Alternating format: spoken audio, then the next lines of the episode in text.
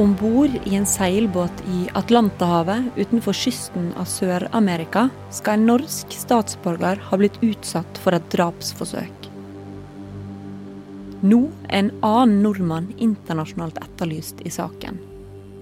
Denne nordmannen skal ifølge Dagbladet fortsatt være om bord i den samme seilbåten. Nøyaktig hva som skjedde i seilbåten 27.07 i sommer, er fremdeles et mysterium. Mitt navn er Hanna Espevik, vikar for Tor Erling, og dette er en ekstraepisode av Krimpodden.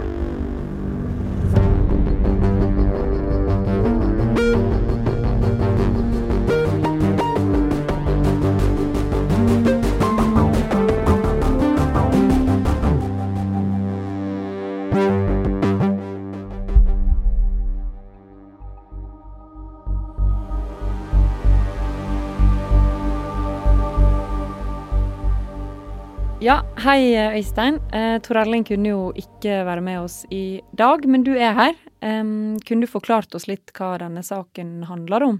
Ja, det er jo da en uh, seilbåt som befinner seg, eller befant seg i Nord-Atlanteren, uh, og hvor det var to uh, nordmenn om bord på den båten.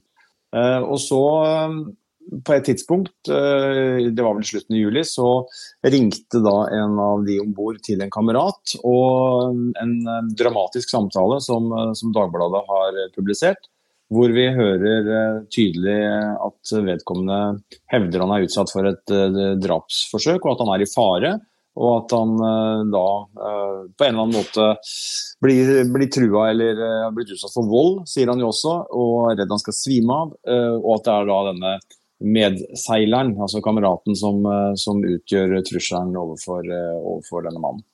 Og han eh, mannen som nå er internasjonalt etterlyst i saken, han har jo uttalt at han handlet i nødverge. Hva er det for noe? Det betyr jo kort uttrekk at han som da er sikta, for det, norsk politi har jo da sikta denne mannen for, for drapsforsøk. Så politiet er jo helt åpenbart en annen oppfatning. men det og eh, nødverge handler jo om, om, at du er nødt til å bruke vold mot en annen person fordi at du selv står i fare for å bli alvorlig skadet eller drept pga.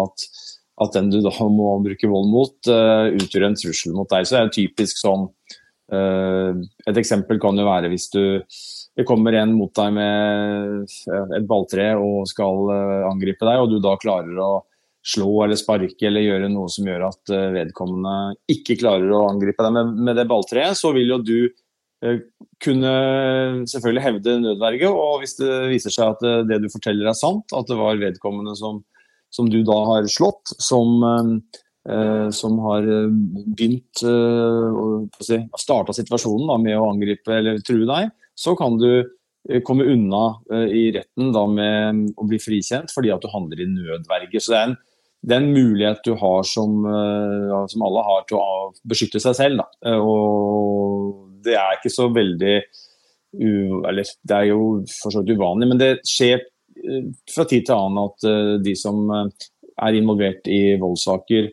hevder at det har vært snakk om nødverge. Og så er det litt ulikt om man blir trodd på det eller ikke trodd på det. Og hva som blir utfallet i denne saken, det gjenstår jo å se. Her er jo en tidlig fase hvor etterforskningen pågår. og eh, Han som da er sikta, og som, som, hevder at han har handla i nødverge, han er jo fortsatt ikke pågrepet. Befinner seg på eh, seilbåten etter det vi vet. Og øh, ja, hva som vil skje videre der, må vi jo bare se når han eventuelt kommer Ja, først og fremst blir pågrepet av utenlandsk politi, men eventuelt da kommer til Norge og forklarer seg for norsk politi.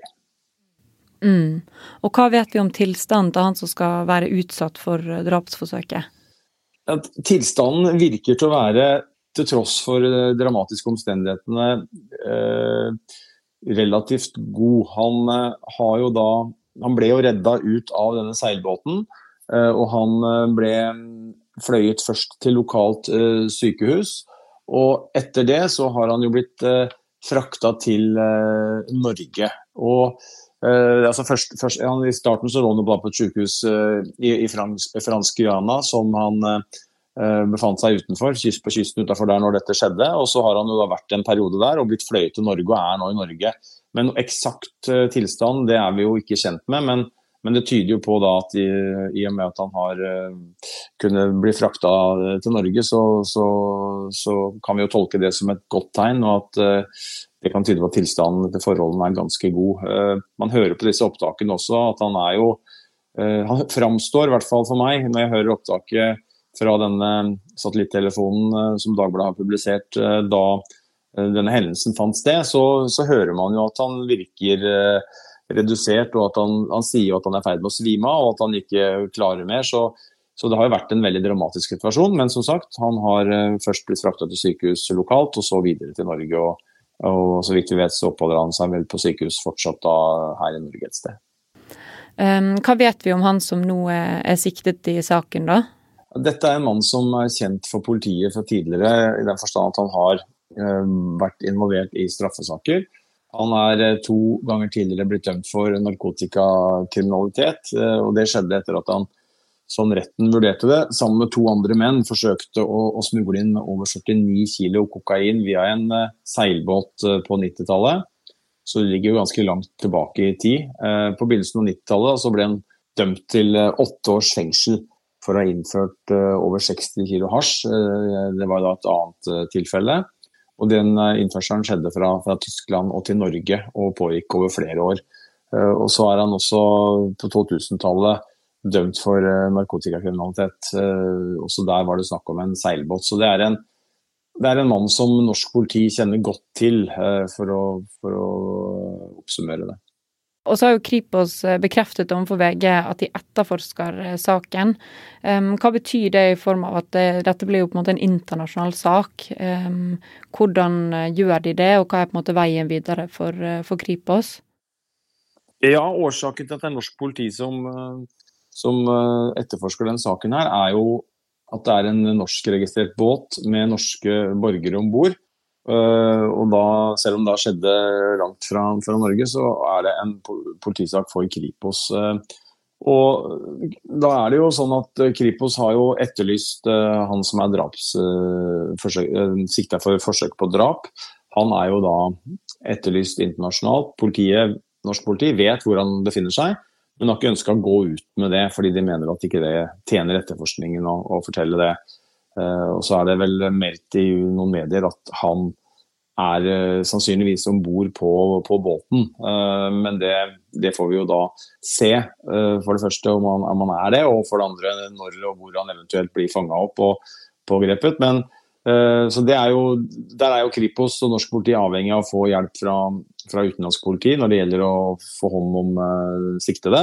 Men så er det jo fornærmede som ligger på sykehus her i Norge. Han vil jo Eh, så sant helsetilstanden hans eh, tillater det, så vil han bli avhørt eh, og vil forklare seg om det han opplevde. Og så vil jo Kripos samle inn bevis som eventuelt måtte finnes ellers. Om man etter hvert får kontroll på seilbåten, og om norsk politi velger å reise for å undersøke den, eller om det blir noe utenlandsk politi gjør. Det, er jo et mulig etterforskningsskritt å, se på båten. og Eh, undersøke den kanskje også kriminalteknisk. Eh, og så er det jo eh, helt sikkert relevant med den nødsamtalen. Og ja, eventuelt andre bevis som politiet kommer til å samle inn da i en etterforskning som, som kommer til å sikkert strekke seg over noe tid nå, før man da etter hvert kan konkludere og se om det er grunnlag for å gå videre med den siktelsen. Om det ender opp i en tiltale og en rettssak, eller om politiet kommer til et annet resultat. Dette skjedde jo for en eh, del uker siden. Det skal ha skjedd 27.07 juli i sommer. Hvorfor har det tatt eh, såpass lang tid før saken ble kjent? Ja, Det kan det være flere grunner til, og jeg vet ikke hvorfor det har tatt noen uker. Men det er jo grunn til å tro at norsk politi ble raskt varsla, fordi at kameraten til fornærmede, Raymond Myhre, som da var den som mottok denne nødsamtalen via satellittelefon mens mens kameraten hans eh, ble utsatt for det han hevder var vold da fra sin med, medseiler. Eh, jeg vil anta at han varsla politiet, at politiet fikk kunnskap om saken allerede da. Men hvorfor det da har tatt to-tre uker før den dukka opp i offentligheten, det, det, kan være flere grunner til det. Det er jo ikke alltid politiet går ut med saker. Det kan hende politiet har sett seg tjent med at denne saken ikke blir offentlig kjent, uh, fordi at det er en etterforskning som pågår og en etterlyst mann som oppholder seg i utlandet. Men, uh, men ja, det, det, er rett og slett ikke helt godt å si hvorfor det, hvorfor det tok såpass mye tid. Men nå er i hvert fall saken ute i offentligheten og får jo, får jo bred dekning. Og det kommer jo stadig litt ny informasjon her, så det er jo en sak som som sikkert kommer til å bli fulgt fullt tett fremover også. Mm.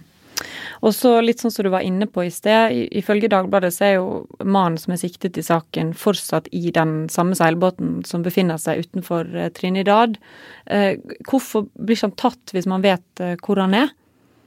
Ja, det spørs jo hvor, hvor presist man vet hvor han er. da. Hvis han er ute på, på havet, så er det på en måte selvfølgelig mulig å finne ut og søke osv. Men eh, det er, er, jo Samtidig så er det store områder, så det er ikke sikkert det er så lett. Og så er jo norsk politi her veldig avhengig av eh, at utenlandsk politi eh, setter inn både ressurser og eh, prioriterer saken på annet vis. Og det har man jo for så vidt aldri noen garanti for. Man er jo helt prisgitt den hjelpa man skal få, i og med at, eh, at det er da utenlandsk politi som skal, som skal bistå. Så, så, akkurat hvorfor de ikke har etter det vi vet i hvert fall, ikke har pågrepet ham. Det, det, er heller ikke helt godt å si, og det er heller ikke mulig å si noe om når det kan skje. Det har jeg vært borti for sånne lignende saker hvor nordmenn har vært eh, etterlyst i utlandet, og hvor man har hatt helt eller delvis kunnskap om hvor vedkommende befinner seg. og Det viser seg at det er veldig varierende hvor lang tid det tar før, eh, før utenlandsk politi Og det er det mange grunner til ofte, hvorfor, hvorfor det da venter på seg eventuelt. men det er i hvert fall eh, ikke uvanlig at det tar, eh, tar, litt tid, og kan ta ganske mye tid også, før eh, man får tak i etterlyste personer, selv om man tilsynelatende har ganske god kontroll over faktisk, hvor faktisk vedkommende er. Denne episoden er laget av meg, Hanne Esvik. Øystein Milli var også med. Krimpodens redaksjon består også av Ruth Einarvoll Nilsen. Produsent er Vilde Vården, og nyhetssjef er Emilie Halltorp. Tor Erling er tilbake neste uke. Dette var en ekstraepisode av Krimpodden.